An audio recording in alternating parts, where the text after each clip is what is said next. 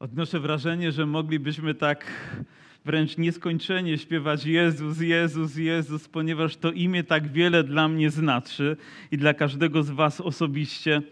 Ale dzisiaj powrócimy do księgi, która, której autor też ma imię, które rozpoczyna się na J. Nie wiem, czy zauważacie, że ważne imiona zaczynają się też na J, prawda? Jezus, Jozue, Jarek, to są, piękne, to są piękne, Janusz, to są piękne imiona, które są w Biblii również obwieszczone. Ale też Księga Jozułego jest mi o tyle bliska, że znajdują się tam słowa, które gdzieś na początku przylgnęły do mojego serca i towarzyszą mi i te dobre tak łatwo jest wyłuskać, przyjąć, powiesić sobie na ścianie powiem, chwalić się nimi, że Pan je posłał do naszego serca. Trudniej jest zmierzyć się z tymi, gdy przychodzą trudne słowa, trudne wyzwania, czasami bolesne nawet wyzwania dla nas, ale takich nie będziemy unikać. Z nimi również się zmierzymy w tej księdze. A więc zrobimy trochę krok w tył, ponieważ dzisiaj będziemy rozważać dziewiąty rozdział, do ósmego rozdziału się cofniemy. Przeczytamy fragment, który który jest piękny, a później pójdziemy przez rozdział dziewiąty, który jest nieco trudniejszy, a przynajmniej rzuca nam pewne wyzwanie. Nie było ani jednego słowa, które Mojżesz nakazał, które by Jozue nie odczytał wobec całego zgromadzenia izraelskiego, także wobec kobiet, dzieci i obcych przybyszów, którzy z nim przestawali. Oto chwila, gdzie Jozue przypomina ludowi Boże Słowo, które zostało skierowane do narodu izraelskiego przez sługę Mojżesza i przypomina i żadnego nie pominął. Wszystkie te słowa musiał przypomnieć. Wiecie, rozpoczynam z tego fragmentu, dlatego że on będzie miał znaczenie w rozważaniu kolejnych fragmentów, które będziemy czytać w dziewiątym rozdziale. Wszystko. Zapamiętacie, to wszystko przeczytał i my tak powinniśmy czytać Biblię od początku do końca od początku do końca. Nie tylko te fragmenty, które lubimy, które są nam miłe, obietnice, które łechcą nasze serce, ale wszystkie słowa, nawet te, które wyciskają łzy, nawet te, które wydają nam się nudne, bo to ten zrodził tego, tamten zrodził tamtego, to wciąż niezmiennie jest Boże Słowo. Amen. Powinniśmy czytać i, i rozmyślać na, na ich temat.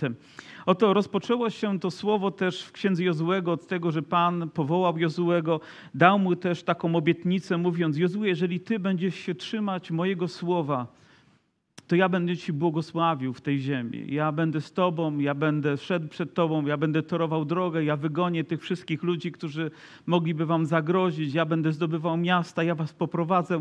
Po prostu innymi słowy mogli im powiedzieć, będę Ci błogosławił, ale trzymaj się, nie odstępuj od Niego ani na prawo, ani na lewo, bądź wierny każdemu słowu. I Jozue pamięta o tym w tym momencie, przypomina je sobie, przypomina też Bożemu ludowi.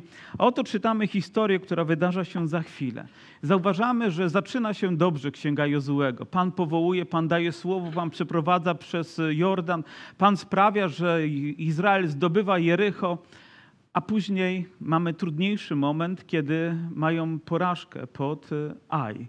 Tak? I później znowu Pan daje im zwycięstwo, zdobywają Aj, a później co jest? A później jest dziewiąty rozdział i znowu trudna chwila. I myślę sobie, czy tak wygląda nasze chrześcijańskie życie? Raz góra, raz dół, raz góra, raz dół, raz góra, raz dół. Pomyślcie, ilu chrześcijan, ile wierzących ludzi ten obraz reprezentuje.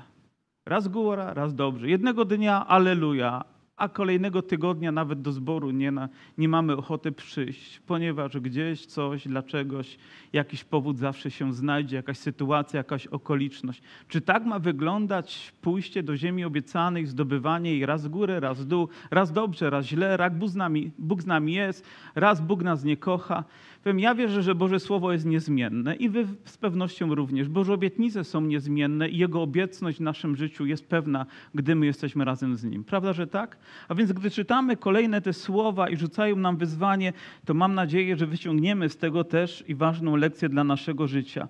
A gdy słyszeli o tym wszyscy królowie, którzy mieszkali z tamtej strony Jordanu, w górach i na nizinach oraz na całym wybrzeżu Wielkiego Morza aż do Libanu, więc Chetejczycy, Amorejczycy, Kananejczycy, Peryzyjczycy, Chiwijczycy, Chiwijczycy i Jebuzejczycy połączyli się, aby jednomyślnie podjąć walkę z Jozułem i z Izraelem.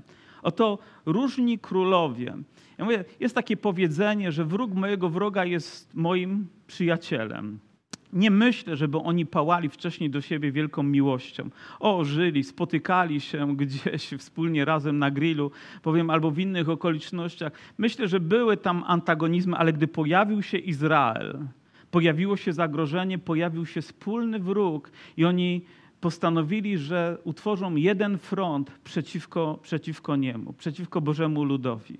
Myślę, że to jest znamienne nie tylko w tym fragmencie, i być może to jest znamienne nawet w duchowej walce, którą przychodzi nam toczyć, gdy pojawia się Boża obecność, gdy pojawia się Boża chwała. Powiem, wrogowie zaczynają się jednoczyć przeciwko temu celowi, czy tej osobie, czy tej sytuacji, czy temu zborowi. Gdybyśmy, powiedzmy, zakosztowali jeszcze więcej łaski, mocy, autorytetu Boga, gdybyśmy jeszcze więcej widzieli nawróceń, daj Panie Boże, by tak było, więcej ludzi ochrzczonych w Duchu Świętym, uzdrowionych, czy myślicie, że to da nam spokój? Dopiero wtedy rozpocznie się walka, dopiero wtedy sprzymierzą się siły wroga. Powiem, diabeł jakby zostawia trochę na poboczu tych, którzy nie są dla niego zagrożeniem, ale postaraj się być w modlitwie zagrożeniem. Zacznij wzywać imienia Pana, zacznij żyć realnością Jego słowa w swoim życiu, a zobaczysz, że zaraz pojawią się problemy i przeciwności. Tak samo jest na początku drogi człowieka wierzącego. Powiem wcześniej, być może wszyscy mieli cię daleko gdzieś w defensywie, ale gdy przychodzisz do Chrystusa, nagle pojawiają się z alkoholem, z różnymi propozycjami, żeby tylko odwieść się. Zawsze pojawia się pokusa, pojawi się niewierzący chłopak, pojawi się niewierząca dziewczyna, pojawi się jakaś okazja, pojawi się jakaś impreza, pojawią się przyjaciele, w cudzysłowiu, po to, żeby tylko nas odwieść. Musimy być świadomi tego, że wróg jednoczy swoje siły. Oczywiście, że to nie jest usprawiedliwieniem, że jak mamy problemy, to znakiem tego, że wszystko jest z zewnątrz. Może my sami je też generujemy, może my nimi emanujemy, może my je wprowadzamy, tego też musimy być świadomi, ale w duchowej walce wiemy, że wróg zawsze będzie wymierzać pociski przeciwko nam i ty, jako wierzący człowiek, ty chodzący w duchu, ty czytający słowo, ty żyjący tym słowem, będziesz na celowniku. Jozue przypomniał wszystkie te słowa ludowi Bożemu, aby pamiętali o nich. Kiedyś pewien człowiek powiedział do swojego pastora: Pastorze, jadę do Izraela, wyjdę na górę Synaj i wykrzyczę wszystkie dziesięć przykazań. A pastor powiedział: Wiesz co, wolałbym, żebyś został w domu i żył tymi przykazaniami. Myślę, że Bogu nie chodzi tylko o to, żebyśmy znali Słowo, ale żebyśmy żyli tym Słowem, żeby ono było kimś, czymś realnym i wtedy też będzie ochroną dla naszego, dla naszego życia. Lecz mieszkańcy Gibeonu, usłyszawszy o tym, jak Jozue postąpił z Jerychem i z Aj, postanowili także użyć podstępu. Wybrali się w drogę, zaopatrzeni w żywność, wzięli sobą stare worki na swoje osły i stare popękane i połatane łagwie na wino, włożyli na swoje nogi zdarte i połatane sandały, a na siebie zniszczone szaty. Wszystek zaś ich chleb na drogę był suchy i pokruszony. I przyszli do Jozułego, do obozu w Gilgal i rzekli do niego i do mężów izraelskich, przybyliśmy z dalekiego kraju, zawrzyj więc z nami przymierze. Ubrali się w lumpeksie, wyciągnęli stare jedzenie i zrobili no, taką szopkę, powiem, odstawiając ją przed... Nawet y, zwróćcie uwagę, że oni przybyli do Jozułego, oni przybyli do Gilgal, jakby wyprzedzili tą sytuację, wiedząc, że tylko w ten sposób mogą mieć szansę na to, żeby się uratować przed nieuniknioną konsekwencją. Nie poszli z tamtymi w tym nurcie, żeby przeciwstawić się Izraelowi, ale użyli fortelu. Ale widzimy, że zamysły wroga mogą być różne. Może jednoczyć frontalnie siły, ale może też działać w ukryciu, może działać pod przebraniem, może przybierać pewne pozory, tak aby nas zmylić, tak aby nas zwieść. I tutaj mamy tego doskonały przykład, że powiem, oni widząc to, jak oni wyglądają, a może nawet jak pachną, ponieważ ubrali stare ubrania, może słyszeli ich jęczący głos i do tego pewnie za chwileczkę dojdziemy, i może jeszcze inne zmysły, i nawet gdy ich chleb za chwileczkę będą ten skruszony jeść, wiedzą, że, że to jest, wszystkie ich zmysły zostały oszukane. Wszystkie, oczy, słuch, węch, dotyk nawet, wszystko zostało jakby poddane pewnej próbie, a oni i tak widać mieli problemy z rozpoznaniem tego. Wiemy, że diabeł ma sposoby, żeby nas atakować, że on wie, że my na coś patrzymy, on wie, że my czegoś słuchamy, on wie, że czegoś dotykamy, on wie, że coś wąchamy. Oczywiście proszę nie idźcie za daleko w myśleniu, ale on o tym doskonale wie, wie w jaki sposób przedrzeć się przez może poza naszą świadomość, żeby dotrzeć żeby wniknąć gdzieś w nasze myśli, a później prowadzić spustoszenie od wewnątrz. Przybyli z dalekiego rzekomo kraju, odziani te wszystkie rzeczy, stwarzając grę pozorów. I tutaj jest dla nas lekcja. Oni mówią: zawrzyj z nami przymierze. Oczywiście ta lekcja może nas uczyć przez ostrożnością tego wszystkiego, co ludzie próbują nam pozornie zaprezentować, czym próbują zwrócić swoją uwagę i oczekując, że my w tym momencie coś podpiszemy, do czegoś się zadeklarujemy i tutaj mają nas na kolejne tam dni, tygodnie, lata, będziemy spłacać kredyty, będziemy mieli różnego rodzaju problemy. Obietnice są wielkie, a później oczywiście okazuje się, że nic z tego nie ma. Musimy być bardzo uważni. Ale tutaj nie chodziło tylko o pewien kontrakt, który można podpisać, o pewną umowę z bankiem czy z kimkolwiek innym. Powiem, to wcześniej czy później prawdopodobnie przeminie, ale oni mówią, zawrzyj z nami przymierze. A słowo przymierze jest o wiele bardziej znaczące niż jakaś umowa.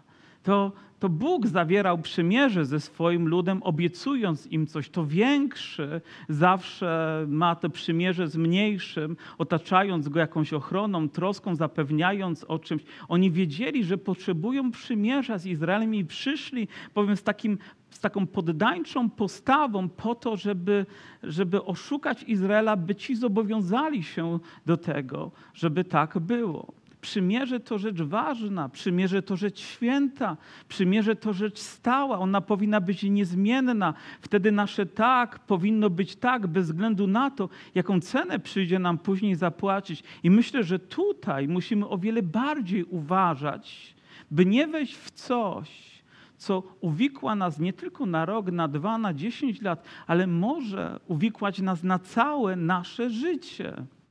Więc czy małżeństwo, powiedzcie mi, jest umową, czy jest przymierzem? Zdecydowanie jest przymierzem. To nie jest kontrakt. Dwoje ludzi, którzy w jakichś okolicznościach mogą sobie powiedzieć nie. Ale wiecie, że już przymierze to ten większy i ten mniejszy. Oczywiście, że zawsze w tamtych czasach to mężczyzna miał inicjatywę, żeby pójść oświadczyć się, prosić o rękę, żeby ta kobieta mogła zostać jego żoną. I później rzeczywiście to małżeństwo było też w takim przymierzu, że on był głową, on był tym, który przewodził rodzinie, podejmował główne, główne decyzje. To powiem, było coś szczególnego, ale myślę, że tutaj musimy uważać, żeby te rzeczy, które są dla nas tak ważne, nie stały się pułapką, która może ograniczyć nasze życie Oto w życiu człowieka wierzącego pojawia się niewierząca kobieta. Powinien wchodzić w przymierze, czy nie powinien wchodzić w to przymierze?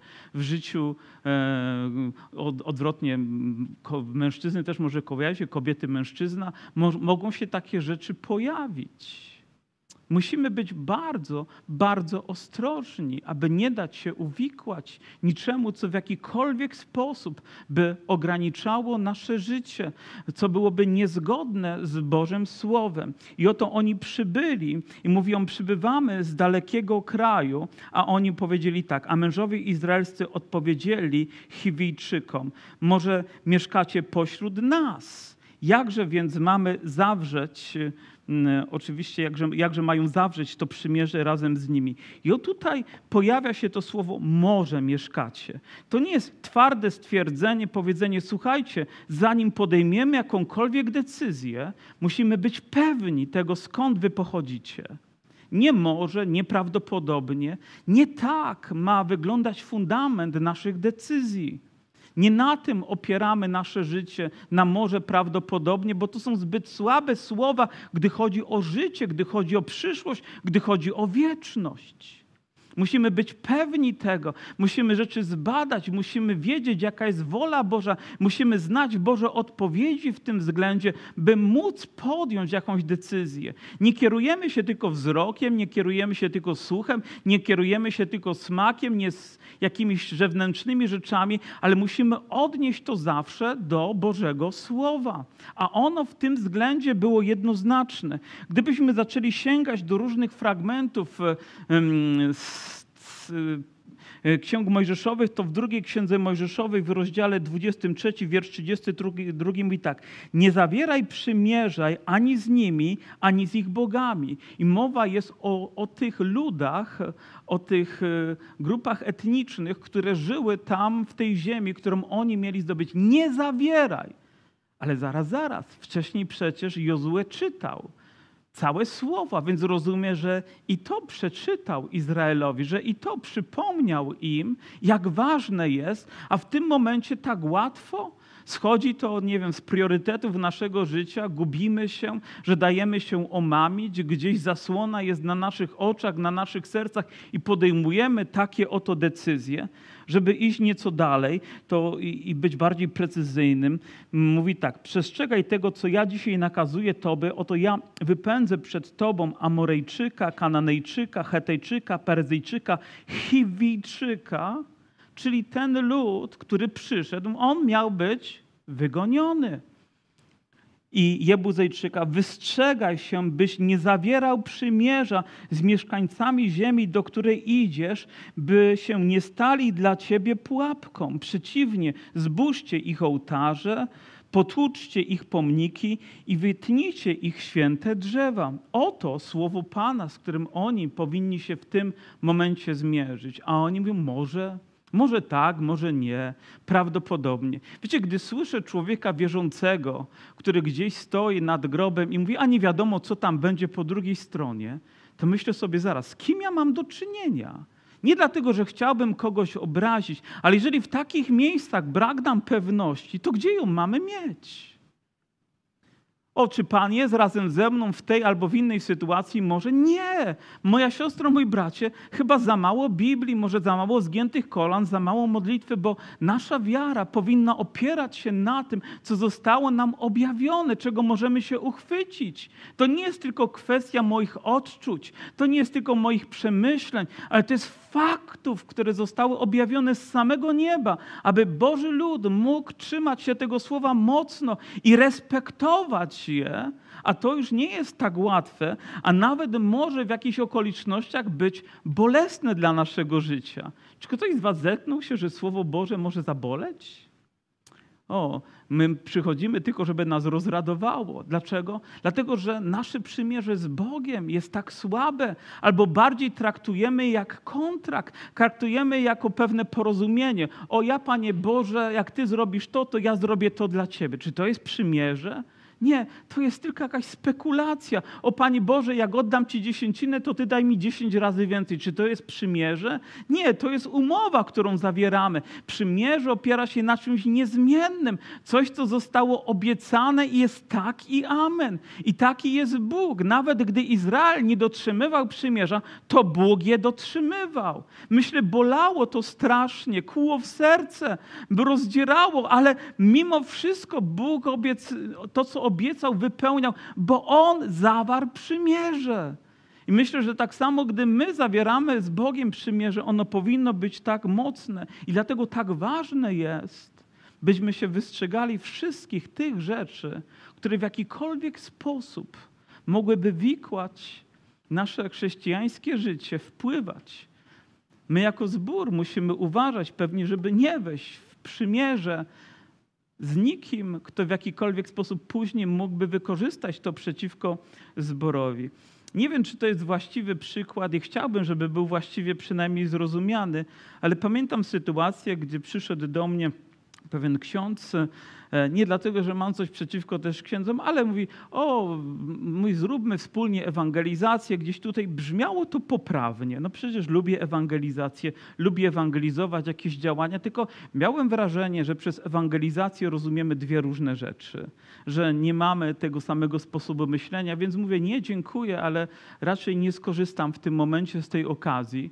Nie wiem, czy to obraziło kogoś, czy nie. Mam nadzieję, że nie. Zrobiłem to z miłością, z uprzejmością, ale powiedziałem stanowczo nie. I później zdarzyło się, że ktoś, powiedzmy z parafii tutaj okolicznej, narodził się na nowo uwierzył w Pana Jezusa, przyszedł, został ochrzczony. I ta sama osoba później przyszła do mnie i mówi, ale ty nie dotrzymałeś jakby słowa. Ja mówię, ale jakie? Mówi, no bo gdzieś tam, gdzieś próbował mnie odnaleźć, że ja uczestniczyłem w jakimś wydarzeniu, że ma zdjęcie razem ze mną. Mówi, nigdy takiego zdjęcia nie ma, nie będziesz miał, bo ja nigdy na takim wydarzeniu nie byłem. Dlaczego? Bo wiedziałem, że później taka rzecz, nawet nieświadomie, może być użyta przeciwko mnie, może związać moje serce, może zamknąć mi drogę nawet do zwiastowania Ewangelii. Będę czuł się niewłaściwie, dlatego musimy pilnować baczniej niż czegokolwiek naszego serca. Decyzje, które podejmujemy, one zawsze powinny wynikać z Bożego Słowa. Amen? zawsze powinny być oparte na tym mocnym fundamencie, bo inaczej mogą być zwodnicze. I oni dalej mówią, oni zaś rzekli do złego, sługami Twoimi jesteśmy. Wiecie dlaczego tak mówią? Ponieważ oni wiedzą, co oni chcą usłyszeć. Powiedzą Ci to, co będzie łechtać Twoje ucho, co będzie przyjemne dla Ciebie, co sprawi, że mówisz, no nie, no poczuję się, czuję się rzeczywiście jakby doszacowany tym, co ktoś mówi. Ale to jest zwodnicze, to nie jest prawdą. Oni mówiąc, że są sługami, to tak naprawdę tylko tymi słowami chcą chwycić ich uwagę, skupić na sobie po to, żeby później oni zawarli z nimi przymierze. Czyż nie jest tak w świecie? Że świat doskonale wie, czego potrzebujesz. Doskonale wie, jakie są Twoje pragnienia. Doskonale zna Twoje słabości. Szatan jest mistrzem. Jeżeli ktoś uważa, że on jest głupcem, to nie chcę powiedzieć, że to jest niewłaściwe myślenie, ale to jest naiwne myślenie. On jest mistrzem okłamywania, on jest ojcem kłamstwa, bo tak przedstawia go też Ewangelia Jana w ósmym rozdziale. Ojciec kłamstwa, więc dlaczego mamy spodziewać się, że będą mówić w ogóle naiwne myślenie, że oni będą teraz prawdę mówić Izraelowi? O, wszystkie te zapewnienia są tylko na chwilę, ale nie są prawdziwe w ich życiu. One są tylko po to, żeby ich zwieść. I tak wygląda struktura tego świata. Zna nasze. Nawet dzisiaj nie wiem, jak to się dzieje, ale gdzieś powiedzmy o czymś rozmawiamy w domu, a tu nagle dostajemy jakieś SMS-y z reklamami, albo maile z reklamami, albo cokolwiek o tym, o czym żeśmy przed chwilą rozmawiali. Komuś z Was się to również przydarzyło? Nie wiem, czy tylko my mamy takie jakieś telefony na podsłuchu, ale albo gdzieś idziesz do jednego sklepu i nagle z tego sklepu, pomimo że nic nie kupiłeś, tylko się tam pojawiłeś, pewnie to lokalizacja albo inne rzeczy śledzą, i później znowu dostajesz mnóstwo reklam i ofert różnego rodzaju drzwiami i oknami. Jakby ktoś próbował odnaleźć jakąś drogę do nas i mają do tego techniki, mają do tego technologie i zaawansowane rzeczy, żeby tylko wbić się w nasze myśli i pociągnąć nas później za ten haczyk, który się tam wbije, aby mieć nas, naszą uwagę i też pewnie inne rzeczy z naszego portfela. A Jozue rzekł do nich, kim jesteście i skąd przychodzicie? Oni odpowiedzieli mu, z bardzo dalekiej ziemi przybyli słudzy Twoi dla imienia Pana Boga Twego. Słyszeliśmy bowiem wieści o Nim. Gdzie fajnie by było, gdyby oni przyszli tam, dlatego że potrzebowali Boga. Ale oni przyszli tam, ponieważ słyszeli o Bogu. Wiedzieli, jaki jest Bóg ale ich celem nie było, powiem, zawarcie przymierza z Nim, tylko życie w swojej religijności i tak, żeby Izrael nie zrobił im krzywdy, wiedząc, że Bóg jest po ich stronie. To robi ogromną różnicę. Słyszeli o Bogu, można słyszeć o Bogu, można wiedzieć. I niektórzy nawet wiele razy mi mówili: O, pastorze, ja wiem, że ten, ten wasz kościół, czy to wasza taka dobra, wy tak naprawdę wierzący jesteście. Ale czy te słowa, powiem, zmieniają coś? To, czy one tylko sprawią, że się lepiej poczuję, że, że jestem, wiem, pastorem takiego zboru albo należę do takiego zgromadzenia? Cóż z tego, jeżeli ten człowiek nie idzie za Jezusem, jeżeli on nie poznał Jezusa, jest daleki od Niego, te słowa nie pomogą mu. Mnie może, po, może sprawią odrobinę przyjemności, ale nie o to chyba w życiu chodzi. Wolałbym usłyszeć jakieś wyzwanie, jakieś pytanie, jakąś potrzebę, którą ma, tak bym mógł mu zwiastować Ewangelię, ale ta poprawna odpowiedź, mam wrażenie, nawet zamyka jakby drogę do tego, żebyśmy dalej rozmawiali na temat zbawienia i o wszystkim, co uczynił dla tamtych królów. I rzeczywiście wymieniają tutaj tych królów, którzy zostali pokonani. Rzekli więc do nas nasi starsi i wszyscy mieszkańcy naszej ziemi, weźcie z sobą żywność na drogę, wyjdźcie na ich spotkanie, powiedzcie, jesteśmy waszymi sługami, zawrzyjcie więc z nami przymierze. Po raz kolejny wzywają ich, żeby uzyskać ich tylko tak. Powiedzcie nam tak. Powiedzcie, że nie zrobicie nam krzywdy. Już tego się uchwycimy. To nam wystarczy. Tak niewiele. Powiedz tylko tak. Będą ciągnąć za nogawkę, będą czepiać się, żeby tylko powiedzieć tak. I może nawet ktoś dla świętego spokoju powie tak. I to może rozpocząć wielki problem. Napij się tylko jeden kieliszek, jesteś kumplem naszym, razem ciężko pracujemy, albo chodź na chwilę do baru, albo jeszcze obejrzyj sobie tylko jeden film, chodź i zawsze znajdzie się sposób, żeby gdzieś przemycić jakąś rzecz po to, żeby związać nas, a ta zapoczątkuje kolejne, kolejne. Słyszałem, jak pewien ewangelista opowiadał o dziewczynie, która prowadziła takie pobożne życie, wychowywała się w dobrym domu, gdzie Biblia zawsze była na, na stole, chodziła do kościoła i na studiach jakiś znajomy mówi, chodź, mówi, tylko jeden drink. Mówi, nic ci nie zaszkodzi, jeden drink, to naprawdę tak niewiele, no z kumplem się nie napijesz, razem studiujemy, jesteś na studiach, uwolniona od domu. I ona powiedziała, a co mi tam jeden drink? I weszła do baru i wypiła może nawet niezbyt mocny ten drink ale to rozpoczęło gehennę w jej życiu, która trwała przez lata, doprowadziła na skraj myśli samobójczych, poprzez wiele, poprzez wiele aborcji przeszła, przez wiele tragedii przeszła w swoim życiu. A zaczęło się tak niewinnie od jednego tak, które po prostu powiedziała. Diabeł dobrze wie, co my chcemy usłyszeć, i w odpowiednim momencie sprawi, żebyśmy to usłyszeli. I to w momencie, kiedy będziemy nie silni, ale w momencie, kiedy będziemy osłabieni, kiedy będziemy mieli jakieś problemy. Oni w tym momencie czują się tacy niezatapialni wręcz. My zwyciężyliśmy już tutaj Jericho. Dobrze, co prawda potknęła nam się noga pod aj, ale podnieśliśmy, czytaliśmy słowo, to teraz jesteśmy mocni. Może wychodząc ze zboru, wracając do domu, jesteś najbardziej narażony na to, żeby diabeł dobrał się do Twoich myśli, do Twojego serca. Wtedy, kiedy ci się wydaje, że jesteś mocny, to bardzo uważaj. Bo może to jest najtrudniejszy moment, kiedy zaczynasz odnosić sukcesy, kiedy ludzie zaczynają cię chwalić. Uważaj! Bo to jest bardzo niebezpieczny moment w Twoim życiu. Dlaczego? Bo polegasz na sobie, bo idziesz rozpędu. Kiedyś Billy Graham opowiadał sam o historii, która mu się przydarzyła. Pojechał na kolejną ewangelizację. Ewangelizacja za ewangelizacją, a więc szło jak po sznurku. I pojechał, ale nie spędził czasu z Panem, nie spędził czasu z Jego Słowem. Po prostu pojechał, gdzieś go od razu zabrali na jakąś uroczystość, później na jakąś kolację i znowu jakieś spotkanie i później zakazalnicę. I mówi, tragedia. Mówi, zwiastowanie tylko bez namaszczenia. Ewangelia tylko bez mocy świadectwo tylko bez poruszenia serc ludzi.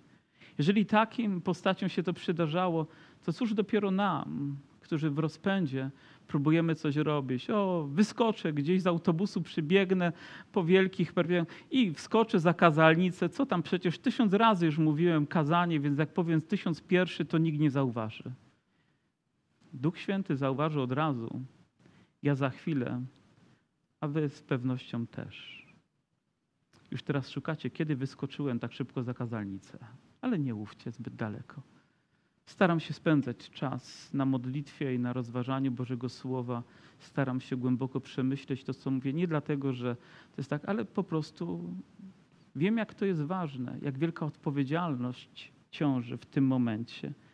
Gdy czytamy różne ostrzeżenia, czytamy, że bój toczymy nie z krwią i z ciałem, lecz z nadzwieńskimi władcami, ze zwierzchnościami, z władcami tego świata, ciemności, ze złymi duchami w okręgach niebieskich. Zobaczcie, nie z krwią i z ciałem. A oni na co zwrócili uwagę? Na ciało, na okoliczności. Zapomnieli o tej warstwie, która jest pod spodem, która mogła zniszczyć ich życie. Ich życie. I później czytamy też w liście Piotra, aby nas szatan nie podszedł. Jego zamysły bowiem są nam dobrze znane. I później czytamy też chyba słowa, które są niezwykle cenne w drugim liście do Tymoteusza, albowiem przyjdzie czas. Przyjdzie ten czas, powiedział apostoł Paweł do Tymoteusza. Czy on nadszedł? To ciekawe, kiedy w ten czas nadchodzi, może chwilę później nawet nadszedł i dla tego zboru, że zdrowej nauki nie ścierpią, ale według swoich upodobań nazbierają sobie nauczycieli, rządni tego, co ucho łechce. Ja wiem, że idę daleko, ale próbuję też znaleźć jaką paralelę do Nowego Testamentu w tym, co oni mówili, to jak łechtali ich uszy, to jak zrobili szopkę na ich oczach, po to tylko, żeby później ich życie stało się tak trudniejsze, niewypełniające Bożej woli, z konsekwencjami, które będą towarzyszyć, może nawet z pokolenia w pokolenie. Nie zdajmy sobie sprawy, jak daleko może to sięgnąć, ale zdrowej nauki, mówi tutaj apostoł, nie, nie ścierpią, zwrócą ucho od prawdy i zwrócą się ku baśniom.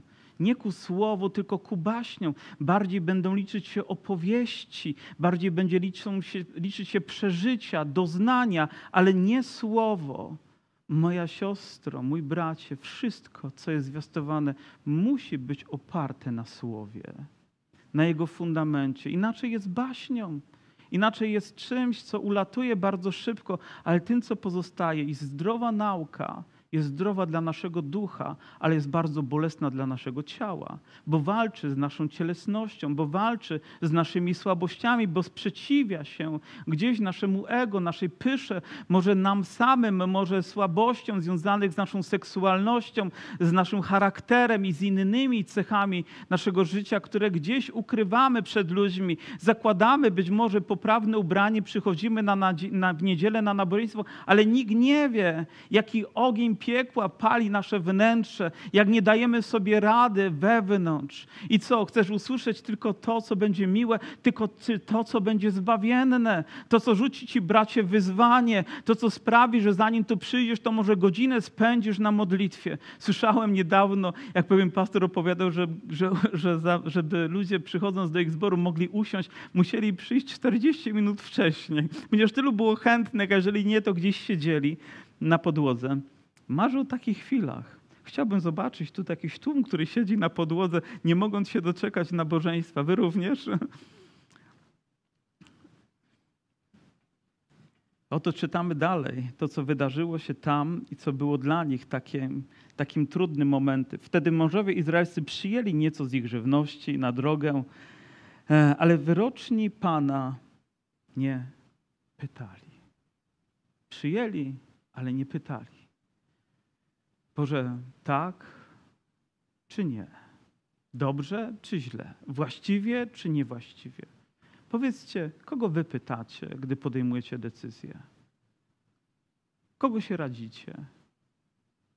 Oczywiście mówię, o, jestem wierzącym człowiekiem, ale dobrze, pracę wybieramy, małżonka też musimy wybrać. Przynajmniej jest to ryzyko oświadczenia się i usłyszenia tego, że ktoś może powiedzieć nie, ale, ale pytamy Pana w takich rzeczach, czy, czy mam tak żyć, czy inaczej, czy taką decyzję podejmować, czy inną. Pytasz Pana? Pytasz Pana, czy masz kupić samochód, czy masz nie kupić samochód. Ja wiem, że to są potoczne jakieś rzeczy, może za daleko pójdziemy, bo będzie chodzić o to, czy mam jechać tym autobusem, czy nie ale może nawet i w takich sytuacjach, Boże, prowadź mnie, bo może nie wiadomo, jak ten autobus pojedzie, gdzie wyląduje, jakie mogą być sytuacje. Ile razy słyszymy świadectwa, gdzie Bóg postawił swoją rękę, powstrzymując nas przed jakąś katastrofą, ale oni nie pytali Pana. Jozue zawarł z nimi pokój i przymierze. Ten sam brat, który wcześniej czytał te słowa ostrzeżenia, teraz, nie pytając Pana, nie pamiętając jakby tego słowa, które Bóg powiedział, nie zawieraj przymierza, zawiera z nimi przymierze. Ale w trzy dni po zawarciu z nimi przymierza, to ciekawe, że w Biblii często liczba 3, 7 się pojawia, trzy dni i, i sytuacja się rozwiązuje, albo przynajmniej staje się jasna. dowiedzieli się, że są, że są z bliska i mieszkają wśród nich. Wyruszyli więc synowie izraelscy i trzeciego dnia dotarli do ich miast, a miastami tym byli Gibeon, Kefra i Berot i Kirjat Jarim. Synowie izraelscy nie pozabijali ich, ponieważ przełożeni zboru przysięgli im to na Pana Boga Izraela że nie zrobią tego, nie wolno im było. Być może to jest jedyna pozytywna rzecz, którą widzimy też w tej historii, że dotrzymali obietnicy, dotrzymali przymierza. Nawet, zobaczcie, jeżeli tamci skłamali, oszukali oni, ze względu na to, że zawarli z nimi przymierze, nie złamali go. Czy to jest w porządku? My najczęściej mówimy, o jak on mi tak, to ja tak samo, podobnie przynajmniej tak dyktuje nasze ciało, ale czy Słowo Boże nie obliguje nas też do tego, żebyśmy nie postępowali tak jak ten świat, ale nasze tak było tak, nawet jeżeli byłoby to z pewną szkodą i wyzwaniem dla nas? Ale ze względu na to, że Twoje słowo jest tak cenne i wiara tak mocna, jesteś gotowy uniżyć się i ponieść pewne konsekwencje, nawet jeżeli to jest niewygodne dla Ciebie i z pewnością było też niewygodne. Jozue nie powiedział, skoro nas oszukaliście, to my czujemy się tutaj zwolnieni i zaraz zrobimy z Wami porządek. Nie, bo gdyby to było takie porozumienie ludzkie, to pewnie tak. Gdyby to była umowa, tak, ale to było przymierze. To było coś, co zostało zapieczętowane, coś, co zostało postanowione nie tylko między ludźmi, ale między Bogiem też i ludźmi. Coś, co miało ich obowiązywać. Ich tak było tak, a ich nie było nie. I to jest dla mnie świadectwo. Nie wiem, czy tak ja wierny jestem w dotrzymywaniu wszystkich moich obietnic, z pewnością nie. Czy jestem gotowy ponosić konsekwencje, jeżeli powiedziałem tak, nawet jeżeli ta druga strona się nie zobowiązuje do tego tak jak my oczekujemy. O, bo nie znasz mojej żony, albo nie znasz mojego męża. A może dlatego, że ty nie znasz Pana. Bo jeżeli znasz Pana, to nawet jeżeli ta druga strona nie spełnia Twoich oczekiwań, to jesteś w przymierzu, jesteś zobowiązany do tego, żeby je wypełniać. Bo do tego obliguje nas Słowo Boże. O, trudne słowa, prawda? W księdze Jozułego a oni odpowiedzieli Jozuemy, cudzy Twoi dowiedzieli się jako o rzeczy pewnej, że Pan Bóg Twój nakazał Mojżeszowi, cudze Twemu, oddać Wam całą tę ziemię i wystąpić, wytępić wszystkich mieszkańców tej ziemi przed Waszym nadejściem. Baliśmy się więc bardzo z Waszego powodu o nasze życie i tak postąpiliśmy. To ma być usprawiedliwienie. Otóż teraz jesteśmy w Twoim ręku, a ci są a co ci się dobrym i słusznym wydaje, aby z nami uczynić, to uczyń. Czytając te słowa, zadrzębię, to jest chyba najtrudniejsza wypowiedź z ich strony, z jaką mnie przyszłoby się zmierzyć. Dlaczego? Dlatego, że zagrali na ich uczuciach. Co ci się dobrym wydaje, to uczyń. Tak często kierujemy się tylko sentymentami uczuciami, a nie kierujemy się prawdą. Proszę, nie zrozumcie mnie, że chcę jakiejś krzywdy ludzi, absolutnie. Ale prawda to prawda, słowo to słowo. I czasami trzeba je powiedzieć, nawet gdy po drugiej stronie zobaczymy łzy w oczach ludzi. Nawet jeżeli im się to bardzo nie spodoba. Ponieważ tu nie chodzi o, o emocje, tu chodzi o prawdę, tu chodzi o słowo. Gdy Jezus przemawiał, jedni płakali z radości, inni zgrzytali zębami ze złości, ale słyszeli prawdę. Powiedz mi, czego Ty oczekujesz? Prawdy czy tego, co będzie Ci miłe? Tego, co rzuci Ci wyzwanie, czy to, co powiem, będzie zgodne z tym, co Ty sobie zamyśliłeś?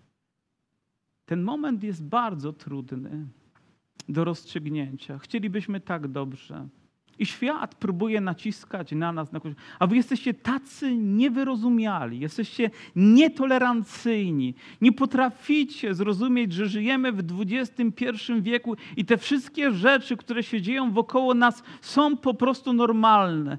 I próbują sprawić, że spuścimy głowę, zaczerwienimy się ze wstydu, bo jesteśmy nie w porządku. A ja zachęcam Was, byście z miłością, z drżeniem Waszego serca podnieśli wasze głowy, podnieśli wasze oczy i nie pozwolili, by takie rzeczy zdominowały nasze serca i nasze życie, byśmy mogli żyć w prawdzie. Byśmy mogli zawsze wyrazić to, co nawet jest trudne do wyrażenia, ale nazwali te rzeczy tak, jak powinny być nazwane: grzech grzechem, nieprawość nieprawością, zło złem. A czasami trzeba to wyegzekwować bez względu na to, czy nam się to podoba, czy nie. Pamiętam kiedyś taką sytuację mieliśmy w naszej społeczności. Chyba mogę to powiedzieć już po nazwisku. Ten brat odszedł do Pana, odszedł chwalebnie, ale był taki trudny moment w jego życiu. Brat Zygmunt Chęć. Kto z Was pamięta tego brata? On też tutaj był zaangażowany w budowanie. Przyszedł do zboru, nawrócił się. No i taki gieroj był. Ale w pewnym momencie zauważyliśmy, że jego życie nie jest tak, jak powinno wyglądać. Wrócił do, do alkoholu, i upijał się, ale ukrywał to przed nami, ale upijał się w domu. No, rodzina wiedziała, tylko zbór nie wiedział. no, gdy dowiedzieliśmy się, że trwa w alkoholizmie, wrócił do niego, powiedziałem mu z bólem serca, lubiłem strasznie tego brata i on zawsze też miłe słowa mówił gdzieś w pokazaniu, zawsze poklepał po ramieniu i taki był zachęcony, ale musiałem powiedzieć mu, bracie, ze względu na to, że wróciłeś do grzechu i trwasz w nim, jako zbór dyscyplinujemy Cię, zawieszamy i na okres, dopóki się nie upamiętasz, jesteś wykluczony praktycznie ze zboru. Obraził się. Później opowiadał, pierwszy jego odruch był taki, żeby parafię zmienić. Oczywiście zbór zmienić. Pójdzie tam, gdzie mu nie będą mówić, co on ma robić. To była pierwsza jego emocjonalna reakcja. Oczywiście, że to było dla mnie trudne, rozdzierające, powiedzieć mu prawdę, ale później efekt był taki, że zaczął się modlić i powiedział: Nie, zmierzę się z tym. Powiedział: Nie, nie pozwolę, żeby alkoholizm zdominował moje życie. I nawrócił się ponownie, albo tak naprawdę się nawrócił. Zostawił grzech alkoholizmu i po roku czasu, ze łzami w oczach, mogłem ponownie przyjąć go jako członka zboru. I to była większa radość niż chyba w chwili, kiedy, kiedy się chrzcił. Ale czy stałoby się tak, gdybym nie powiedział mu prawdy? Gdybym nie spojrzał w jego oczy powiedział: Masz problem? Oczywiście pewnie jeszcze inne rzeczy były do zrobienia, których nie zauważyłem i pewnie we mnie są do dnia dzisiejszego. Ale dlatego, że mamy czasami odwagę, bez względu na odczucia, powiedzieć prawdę, możemy przyczynić się do ratunku czyjegoś życia. Więc moja siostro, mój bracie, żyj w mądrości. Żyj w mądrości Bożej, żeby wiedzieć, co jest dobre, co jest złe, co jest prawdziwe, co jest fałszywe, żeby potrafić to rozróżnić. Czasami tylko Duch Święty potrafi tego dokonać. Ponadnaturalny sposób potrafi nas ostrzec przed sytuacjami, które się pojawiają, które dla nas są zakryte, ale przed Nim nie ale gdzieś wewnątrz ten głos niepokoju będzie rozbrzmiewać, a ty, mając z nim relację i modląc się, otrzymasz odpowiedź i on przyniesie ją. Myślę, że nieraz nawet nie musimy specjalnie pytać, bo czytając Boże Słowo, dostajemy tą odpowiedź w tej akurat sprawie i w tej sytuacji. Bóg odpowie bardzo realnie. Kiedyś pewna kobieta uczestniczyła w takim programie czytania Biblii 24 godziny na dobę. 24 godziny na dobę. Czytali ją od rana do poranka, przez całą dobę po 15 minut. E, mnóstwo ludzi się w to zaangażowało. Cztery dni to zajęło. Zaczęło się w niedzielę wieczorem, skończyło się w czwartek gdzieś rano, ale przeczytali Biblię od deski do deski, wszystkie księgi i każdy miał przeczytać jakiś fragment. I ona przyszła po prostu, żeby wziąć słowo i czytać bieżący fragment. Nawet nie wiadomo który, bo po prostu do, dokąd doszedł ktoś w 15 minutach, to dalej ktoś kontynuował. Jej przypadła księga Malachiasza i przeczytała tam słowa w, nie, w innym tłumaczeniu, że Bóg nienawidzi rozwodu. Po prostu. a ona miała rano, łatwo w nocy czytała, iść do prawnika, żeby się rozwieść z mężem. I wiecie, co zrobiła? Nie poszła do tego prawnika, bo usłyszała słowo, które zabolało, ale które sprawiło, że przeżyła w małżeństwie do końca swoich dni. Bo tak jest przymierze. A więc bądź mądry, by rozumieć Boże Słowo, bądź mądry, by je przyjąć. I bądź pełen mocy i autorytetu Boga, by przeciwstawić się wszelkiemu złu, bez względu na konsekwencje. On udzieli ci sił, On udzieli ci mocy. Nie mów, że nie możesz, bo większy jest ten, który jest w nas, niż ten, który jest z tego świata. Prawda, że tak? On udzieli ci mocy, jeżeli twoje serce należy do Niego, jest otwarte przed Nim, jest szczere przed Nim. Udzieli ci mocy, abyś mógł powiedzieć tak, gdzie trzeba powiedzieć tak. I kategorycznie nie, gdy trzeba również to wykrzyczeć. A czasami trzeba, ze względu na Pana by nie ponosić tego konsekwencji. Gdybyśmy czytali dalej, to z pewnością ta historia odbijała się echem. O, na początku nosili drwa, bo do tego zostali zobowiązani, stali się ich sługami, ale później zaczęli się z tego pewnie wydobywać. Izraelici zaczęli brać sobie za żony córki z, tamty, z tamtego ludu i zaczęły się problemy, które zaczęły dotykać Izraela. To są nieuniknione konsekwencje. Powstańmy.